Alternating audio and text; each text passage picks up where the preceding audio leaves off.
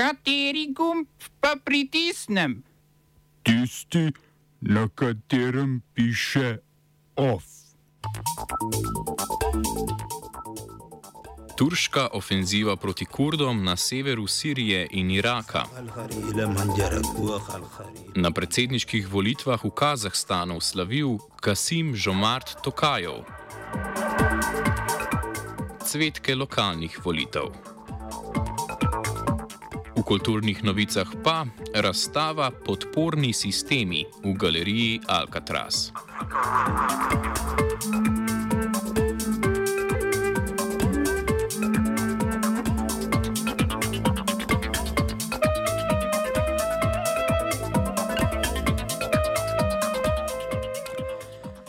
Turčija je začela ofenzivo proti kurdski delavski stranki v Siriji in Iraku. Kurdsko PKK krivijo za teroristični napad v Istanbulu, vendar Kurdi opozarjajo, da je šlo za operacijo turške obveščevalne agencije. Turška vojska trdi, da so tarče bombardiranja vojaške baze, medtem ko je predstavnik sirskih demokratskih sil povedal, da so turške sile in njihovi plačanci napadli bolnico, šolo, žitni silos in elektrarno. Turki bombardirajo kurdska mesta vse od Kobaneja v Siriji do Kandila na severovzhodu Iraka kurdske skupine na območju iranskega Kurdistana pa z droni in raketami napadla še iranska vojska. Napadi so postali bolj pogosti, odkar je smrt kurdinje Mehse Amini septembra v Iranu sprožila val protestov. Iranska vlada obtožuje kurdsko PDK, ki deluje na območju Iraka, da spodbuja te proteste in s tem opravičuje svoj napad.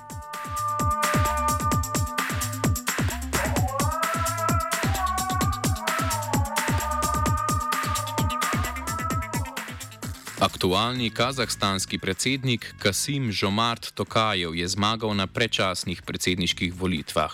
Z več kot 80 odstotki glasov je podaljšal svoj mandat za nadaljnih sedem let. Funkcijo predsednika upravlja že od leta 2019, ko je odstopil prvi kazahstanski predsednik Nur Sultan Nazarbajev. Tokajev konkurence na volitvah tako rekoč ni imel, saj njegovi protikandidati javnosti niso bili dobro znani, poleg tega pa so veljale omejitve pri registraciji predsedniških kandidatov. Drugo vrščeni Žiguli Dajrabajev iz izven parlamentarne stranke je prejel dobre 3 odstotke glasov. Predsedniški mandat v Kazahstanu je do zdaj trajal 5 let. Po septembrskih spremembah ustave, ki so jih voljivci sprejeli na referendumu kot odgovor na januarske proteste, najbolj množične v zgodovini države, pa traja dve leti dlje in se lahko upravlja le enkrat. To je bil tudi razlog za razpis predčasnih predsedniških volitev.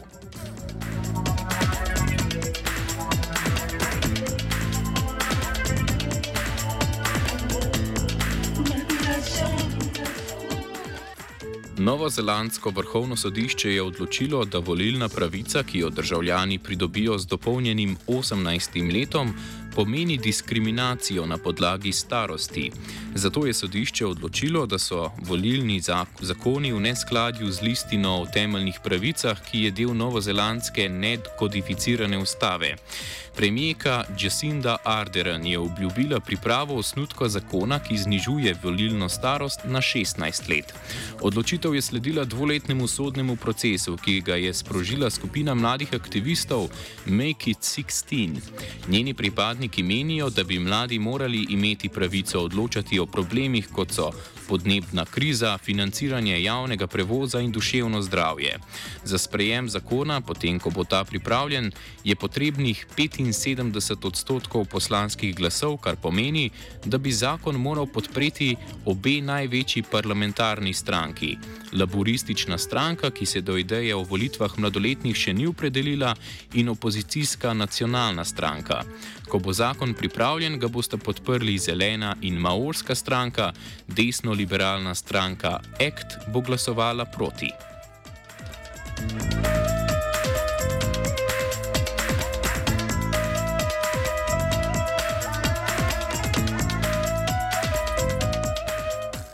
V ekvatorialni Gvineji so potekale splošne volitve za predsednika, predstavnike v zgornjem in spodnjem domu parlamenta ter župane. Na predsedniških je z 99 odstotki zmagal sedanji predsednik Teodoro Objang Ngema Ambasogo.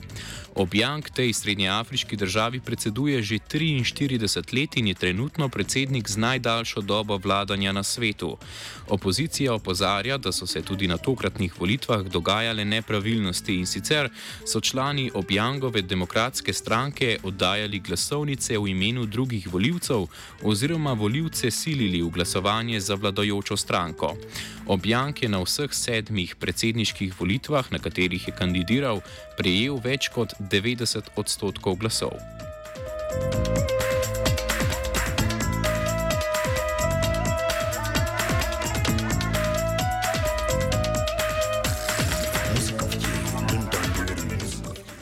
Štirje uslužbenci slovaške javne radiotelevizije, med njimi direktorica informativnega programa, so bili odpuščeni zaradi prenosa enournega govora nekdanjega premijeja Roberta Fica na srečanju slovaške socialdemokratske stranke. Srečanje je potekalo na državni praznik borbe za svobodo in demokracijo. Govor je bil predvajan pred odo brez odobritve generalnega direktorja RTV, ki je incident javno obsodil. Fico je v govoru širil napačne informacije o COVID-u, se zauzemal za proruska stališča in opozarjal na kršenje svobode govora na slovaškem. Slovaško predsednico Zuzano Čaputovo je obtožil, da želi spraviti Slovaško v tretjo svetovno vojno, potem ko so ostanki rakete iz Ukrajine pristali v sosednji Polski. Fico je z položaja predsednika vlade odstopil leta 2018. Takrat je umor dveh novinarjev, ki sta raziskovala delovanje italijanske mafije v slovaški vladi, spodbudil množične proteste. Fico je, je bil obtožen oblikovanja organizirane kriminalne skupine, vendar ga ščiti poslanska imuniteta. Smo se osamosvojili, nismo se pa osvobodili. Naslednje število je še 500 projektov. Izpiljene modele, kako so se strani nekdanje LDS rotirali. Ko to dvoje zmešamo v pravilno zmes, dobimo zgodbo o uspehu. Takemu političnemu razvoju se reče udar.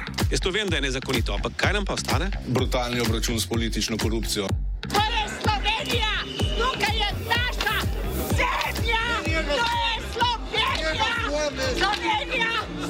Slovenija. Še poročilo o cvetkah domačih lokalnih volitev. V prvem krogu je bilo izvoljenih 165 župan in županov, v 47 občinah bo potreben drugi krog. Začenjamo v Ljubljani, kjer je ob nizki 40-odstotni volilni udeležbi z nekaj manj kot 62 odstotki peti mandat dobil Zoran Jankovič. Na drugo mesto se je z 9,6 odstotka uvrstila kandidatka levice Nataša Sukič, na tretje pa Aleš Primc, ki je kandidiral s podporo stranke Gibanje za otroke in družine. Dosegel je boljši rezultat od kandidata SDS Igorja Horvata. Zaradi tega je Anže Logar odstopil z položaja predsednika mestnega odbora SDS Ljubljana in se, kot je zapisal na družbenem obmrežju Twitter, po 12 letih poslavlja iz ljubljanske politike.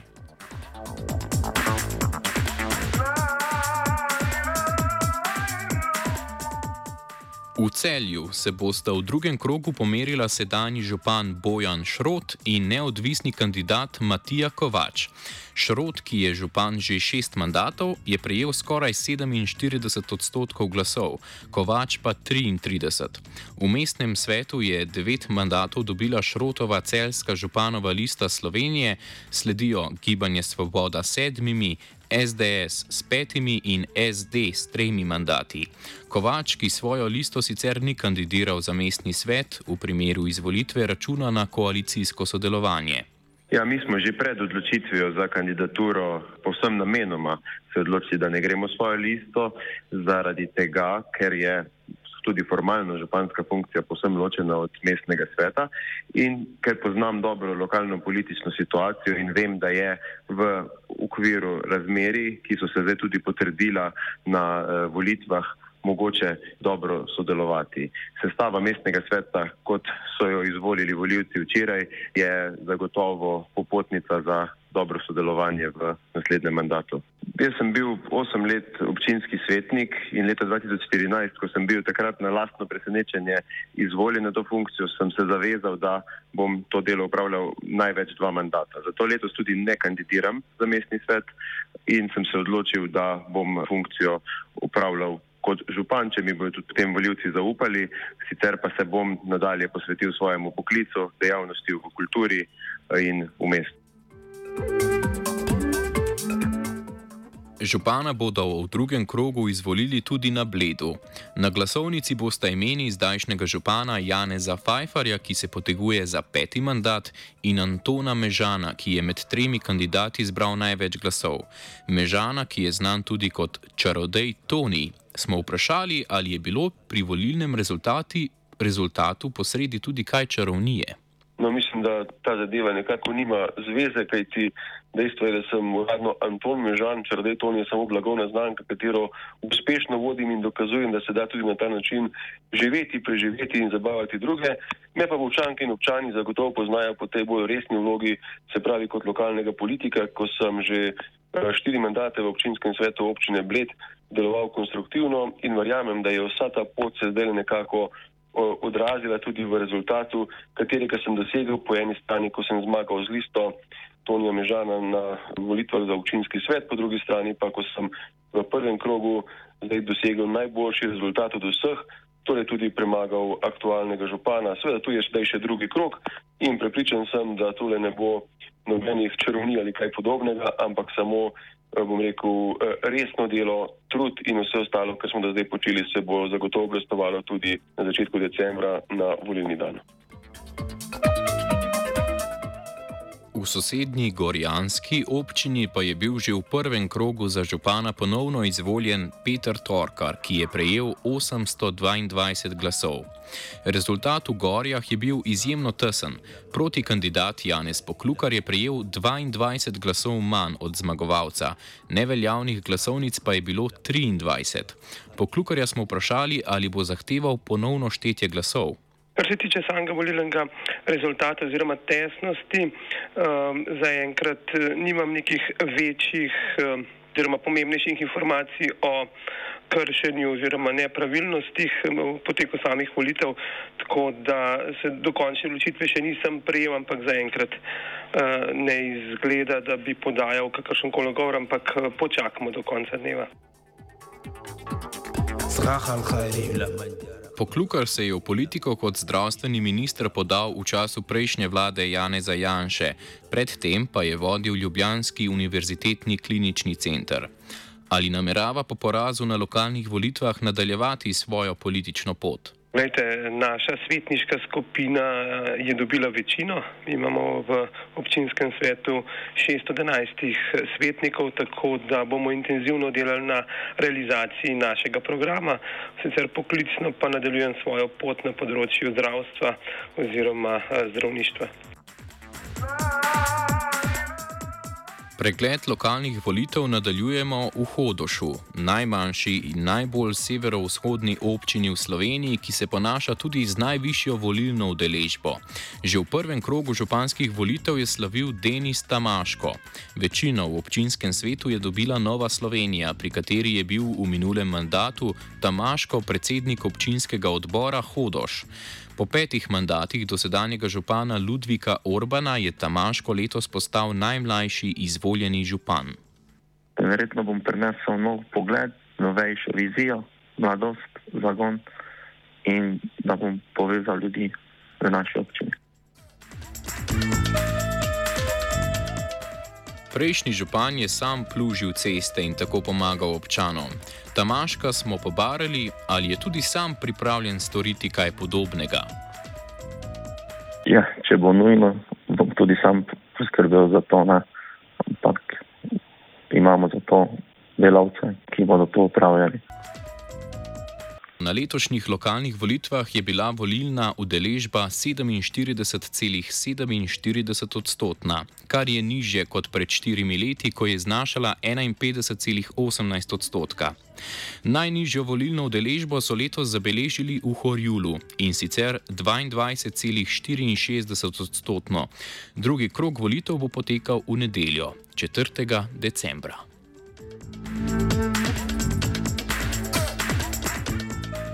Ov sta pripravili vajenki Pija Zala in Hanna, mentoriral je Fabjan.